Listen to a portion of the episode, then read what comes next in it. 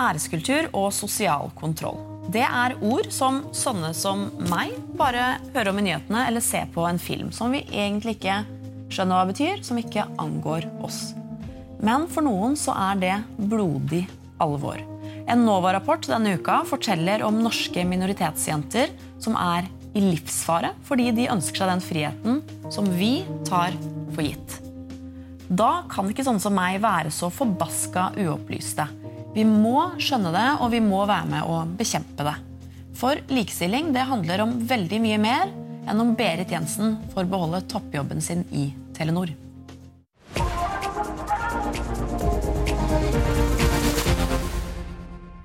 Og for å skjønne det, så må vi lære om det. Velkommen hit, Shabana Rehman og Sofia Sror. Sofia, vi begynner på scratch. Hva er sosial kontroll? Eh, litt sånn enkelt forklart, da. Eh, for det er ikke så enkelt. Eh, og negativ sosial kontroll er veldig komplekst. Men i, i, helhet så handler det om at man ikke får leve slik man selv ønsker. Man, får ikke, man har ikke valgfrihet, man har ikke selvbestemmelsesrett. Eh, ofte har man ikke heller bevegelsesfrihet. Så man mister de grunnleggende frihetene. Um, og hvem er det som bestemmer det? Det, det, kan, være, det kan, være, familie, det kan være miljø. Det, det er mange nyanser der. Men jeg beskriver det som å leve i et klasshus. At du ser friheten, men den gjelder ikke deg. For deg så gjelder da normer i det miljøet du tilhører. Og det miljøet kan være kristent, det kan være muslimsk, det kan være ikke-religiøst. Ikke det er mange ulike miljøer. For deg så gjelder da et sett med normer. og Følger ikke du de normene, så risikerer du å bli skammegjort eh, og bli sett på som en som, gjør, som handler umoralsk. da, Når det ikke handler overens med det familien da syns er greit, eller det miljøet syns er greit. Og, ja, og kan ende opp med å bli kalt skamløs. Som du jo blir.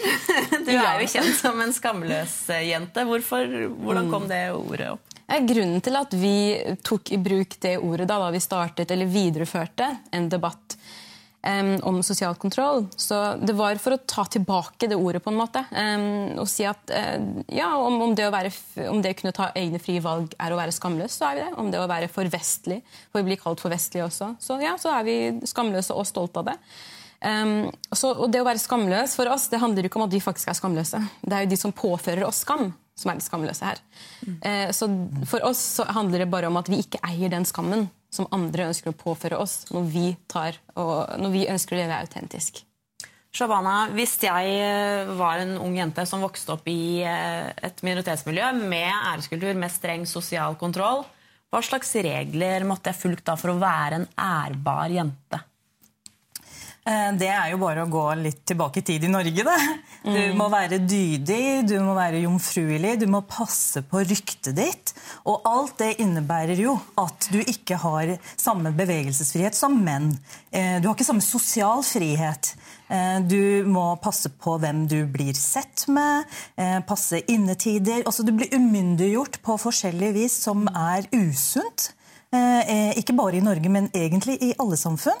Og det handler om å delta i samfunnet på, på, som et normalt uh, menneske. Mm. Eh, og Grunnen til at det er smertefullt, er jo at eh, det er nettopp det normale hverdagslivet du blir isolert fra. Mm. Eh, og som du, du, Man blir jo oppdratt til at du er eh, likeverdig som alle andre.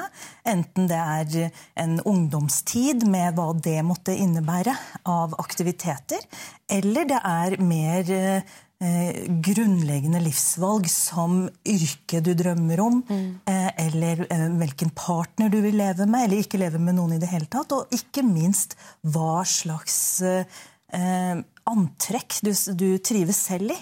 Så det er eh, en måte å bli dømt så brutalt at du begynner å redusere deg, isolere deg, og til slutt ikke lever ditt eget liv, men mm. bare sitter og ser på de andres. Um, du har jo men, vært åpen selv om at din oppvekst var ganske tøff. Kan du gi oss et lite innblikk i hvordan det var å være en ung eh, Shabana Rema? Du, Jeg var badass på Holmlia. Så jeg kommer fra en eh, familie hvor vi hadde disse åpne diskusjonene eh, eh ganske uh, uvanlig uh, i forhold til andre pakistanske familier som, som, vi er. Så vi menn og kvinner i vår familie snakket åpent om frihet, om rettigheter. Vi tok disse fightene, disse kranglingene på 80-tallet. Men det jeg opplevde når jeg kom i tenårene, var at samfunnet rundt, som ikke var ferdig snakka om det, som hadde forventninger til hvordan kvinner fra en viss kultur skulle oppføre seg, de begynte å mobbe, de begynte å angripe, de begynte å debattere Eh, min eh, synlige tilstedeværelse i norsk offentlighet. Og det eh, ble starten på min definisjonskamp da, om, om, frihet. Hvor jeg opptrådde med forskjellige performance art, som dere som var mm. unge da så bare gjennom mediene, men som det å male seg med norsk flagg, løfte mullaer Eh, reise rundt og holde standup i burka. Alle, des, altså, alle, disse aktivitetene ble på en måte en kreativ måte å svare tilbake på. At jeg eier min frihet, jeg eier denne kroppen. Jeg kan eh, bruke ytringsretten min slik jeg vil. Så reaksjonene ble det som eh, eh, skulle være problemet som vi måtte debattere som samfunn. Ikke mine handlinger, men din reaksjon. Du ble jo da veldig kontroversiell syns, eh, altså for mange. Og spesielt kanskje mulla Krekar-løftet, som, eh, som, de fleste husker. Hvorfor gjorde du det? Du, eh, Krekar var på en nattklubb og, og øh, ville gjerne overbevise landet om at han ikke er en farlig mann, og det tok jeg han på ordet. Eh, han var jo faktisk på en standup-klubb øh, og promoterte sin, sin, bok, sin livshistorie. Så det var bare egentlig en helt sånn ufarlig, impulsiv ting der og da. Jeg, jeg hadde for vane å løfte menn. Så han var bare en av mange, så han var ikke spesielt utvalgt. Men han ble løftet. Men reaksjonene der var jo også veldig spesielle. Vi har en mye mer polarisert debatt, men den gangen så var det også sånn veldig grovt delt. Venstresiden som sa at nei, du skal respektere hans kultur, det var feil å løfte han. Mens høyresiden sa etter å løfte han, skulle du pælme han ut av landet. Vi er litt der i den delte Husker du det, Sofia? Ja, jeg husker det. Jeg husker også særlig godt um, ungdomsskolen, da Shabana um, altså det, var, det, var, en del av kultur, kultursekken, tror jeg. Og der så, vi, eh, der så jeg Shabana på scenen. Uh, I den burkaen. Mm. ikke sant? Og, ja, ja, Med rød kjole under og kom ut ja, og sa hei. Og snakket om din mor, snakket ja. om kultur, om det å bo, komme til et nytt land, og hvor mm. vanskelig det var. Og jeg syns det var tøft å se en med den bakgrunnen på scenen, for det hadde jeg ikke sett så mye av før. Eh, og rundt den tiden så begynte også min kanskje litt feministiske oppvåkning. Mm. Um, og, og, en indre rebell i meg kom jo også tydeligere frem. Og det var en, på en måte et resultat av at jeg så alle disse kvinnene som Shabana, som Kadra Yusuf, som eh, Diakano, som eh, Hadia Tajik, som ble kulturminister. Mm. Eh, men også det at jeg begynte å lese om kvinner som Camilla Collett. Mm. det betydde veldig mye for min feministiske oppvåkning. og ja, Rundt da så begynte jeg også ja, Det var en rebell i meg som kom frem og ville gjøre opprør mot all urett. Og Du skriver jo om dette i en bok som eh, kommer ut nå, som heter 'Det skjer nå'. Ja, eh, Der stemmer. nevner du jo bl.a. at Shabana er et forbilde for deg. Ja. Men hvordan var din egen oppvekst? Min oppvekst var veldig likestillingspreget. Altså, Min far leste Pippi Langstrømpe til meg som natta. Så jeg, var, jeg, er veldig heldig. Så leser jeg også den teksten du skriver at uh, du på et tidspunkt da du var liten, ja. tenkte at det hadde vært lettere å være gutt. Ja, definitivt. Og det var ikke fordi jeg var muslim, det var ikke fordi jeg hadde minoritetsbakgrunn, men det var fordi jeg var kvinne og jente. Mm. Og, og, da, og, da, kunne jeg oppleve at ja, gutter de hadde de kuleste leketøyene, de hadde de største fotballagene. Og, og jentene mer, ble bedt om å være forsiktige og passive. Og, og, verden var liksom så mye farligere for oss fordi vi var jenter. Så Derfor har det vært så viktig for meg da, i denne debatten, og, med skamløsbevegelsen og med debatten om metoo og, og hele, hele, pakka, så er det viktig for meg å understreke at våre kamper Det er mange fellestrekk i våre kamper. Min kamp er ikke atskilt fra din kamp. Så I den teksten da, i, i Det skjer nå på Kagge forlag så skriver jeg da om søsterskap og solidaritet. Eh, søsterskap på tvers av kulturer, på tvers av etnisitet, hvor vi kan bruke hverandres liv som pensum, lære av hverandre, lytte til hverandre, anerkjenne at vi har ulike utfordringer. At selv om mm. du kanskje ikke opplever rasisme, så opplever andre det, og da kan du bidra til å gjøre det enklere for de som opplever det, å si fra. Også de som opplever trakassering, de som opplever æreskultur osv. Du, Dette her er jo ikke en kamp som jeg heller mener at eh, minoritetskvinner skal kjempe alene. Men hva, hva kan jeg gjøre da, som en hvit dame midt i 30-årene som er relativt privilegert? Vet du hva? Jeg tenker at dette er en kamp som Altså, jeg må ta denne kampen i mitt liv. Som andre kvinner med min bakgrunn må ta den kampen i sitt liv. Men vi trenger også at noen tror på oss når vi varsler. Vi trenger at vi blir tatt på alvor. Vi trenger også solidaritet. Og det at du i det hele tatt anerkjenner at du kanskje er litt mer privilegert på, på, ulike områder enn, enn det kanskje andre med min, min, min, bakgrunn kan være. Det er jo, det, der, der, har du allerede begynt godt der. Mm. Eh, og slik kan jo du bidra til at Eh, det blir enklere for flere kvinner å snakke ut om sine opplevelser og føler at de blir tatt på alvor. Det er egentlig det, er det som er solidaritet. da. Mm. Jeg er definitivt på laget deres. Tusen takk for at dere kom. Takk. Veldig hyggelig å ha dere her. Den ene er kjent som humorist, men også som seriøs forfatter. Og den andre er seriøs nyhetssjef, men er også kjent som humoristisk lokalavisentusiast. Velkommen hit, Ken André Ottesen og Knut Nærum. Takk, takk. takk, takk. Knut, eh, ja. jeg hørte her på bakrommet nå at eh, det er ikke bare mulla Krekar som har blitt løfta av Shabana? Det er riktig. Jeg har også blitt løfta av Shabana. Eh, det begynner å bli noen år sia. Men da ble det selvfølgelig bevist at, at, jeg heller ikke er så farlig som folk tror. det er godt å høre. Du, Nå skal du gi ut en ny bok som heter hva? Og hva handler det om? Den heter 'Den gåtefulle Oberon Quist'. Det er, en, det er en krim. Det er en særdeles mystisk krim. Jeg har gått inn for å utmystifisere alle mine kolleger i krimfaget. Og den begynner med at krimforfatteren Kjell Nilsen har gått i dekning på et fyr. Han tror at noen er ute etter å ta livet av ham. Så sitter han der på fyret så skriver han ned alle disse sakene som han har opplevd sammen med privatdetektiven Oberon Quist. Og det viser seg etter hvert at Quist han har rota seg bort i en kamp mot et stort kriminelt nettverk som er overalt. Og så er spørsmålet hvem er det som er ute etter å ta livet av Nilsen? Eh, noen kommer nærmere og nærmere. Hvem er det? Kan Nilsen stole på det han selv har sett?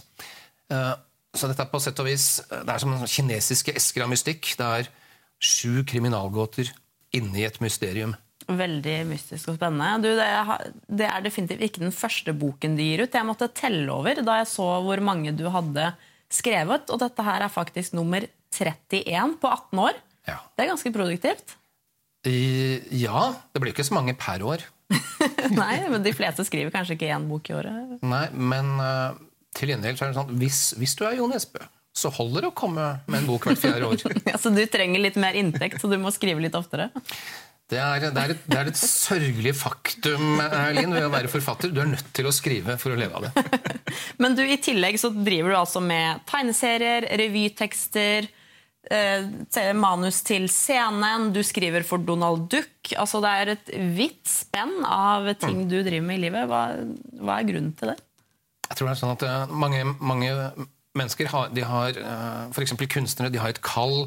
Det er en stemme som roper til dem fra, fra det indre av sjelen. 'Du må gjøre denne tingen, ellers så kommer du til å bli ulykkelig'.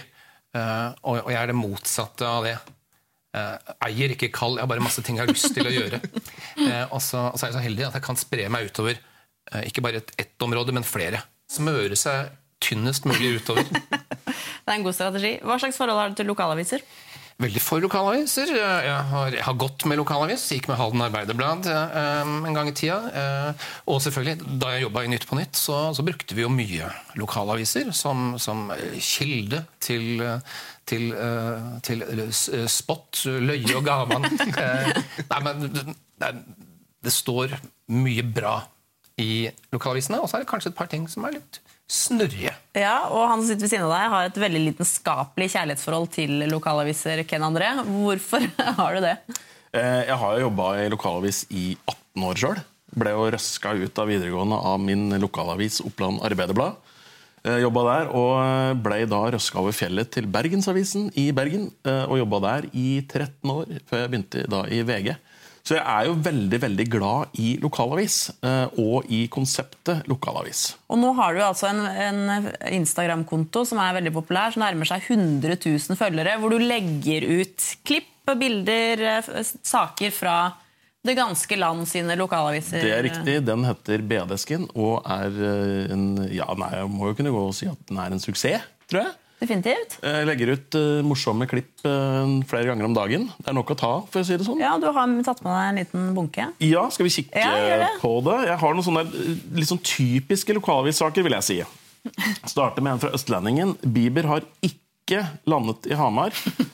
uh, Dette kjenner, jo, dette kjenner jeg jo alt fra jeg jobba lokalavis sjøl. Det er klart at når du får et tips om at Bieber har landa i Hamar, så du tror jo ikke på det, men du kan jo ikke la være å rykke ut, for tenk om han faktisk har landa. Og så er det jo sånn at det er jo lite ressurser når du jobber i lokalavis. Når du først har vært ute på noe, så kan du ikke komme tilbake uten en sak. Så da blir det ganske mange sånne her eh, ikke-saker, som jeg syns er veldig morsomt. Ja. Ja, for Det var snakk om at han kunne ha landa. Det var tips. For Hvis de først skulle skrive om ting som ikke har skjedd, så kunne de ha gått større. Da kunne de ha gått større. Jesus har ikke gjennomstått i Hamar. Jeg har en annen en her. Ja. Eh, Dette var faktisk eh, oppslaget i Oppland Arbeiderblad 3.8.1977. 80-åring fra Gran med feilfrie tenner. Det er ikke dårlig, det, da. Jeg syns det er en kjempesak. Eh, Folk sier at nei, for en agurksak. sier folk. Dette er jo ikke noe agurksak. Jeg mener Agurksak er jo f.eks. Jonas Gahr Støre er uenig med Høyres skattepolitikk. Det er agurksak. Dette er unikt. Vi har eh, Rana Blad. Som, dette er en av mine favorittitler noensinne. Det går likere nå med Marita etter at hun ble bitt i låret av en bever da hun var på vei hjem fra DDE-konsert og Pride. Heftig kveld. Det skjer mye her. Jeg har aldri vært nærmere på å abonnere på Rana Blad. Har ingen eh, tilknytning til Rana i det hele tatt. Sølva dro på fest, kom hjem som muslim. Ja, Kanskje. Har du opplevd det noen gang? Du, Vi har vel alle vært der. Det, det kan jeg skrive under på. Også en liten favoritt her fra Fredrikstad Blad. Eh, Unnis lidenskap tok helt av da han sluttet som lærer på Gressvik ungdomsskole. Nå bruker jeg alle pengene mine på stoff. Dette er clickbait. Dette er clickbait. Og det er herlig clickbait. Den siste her fra Bodø nu.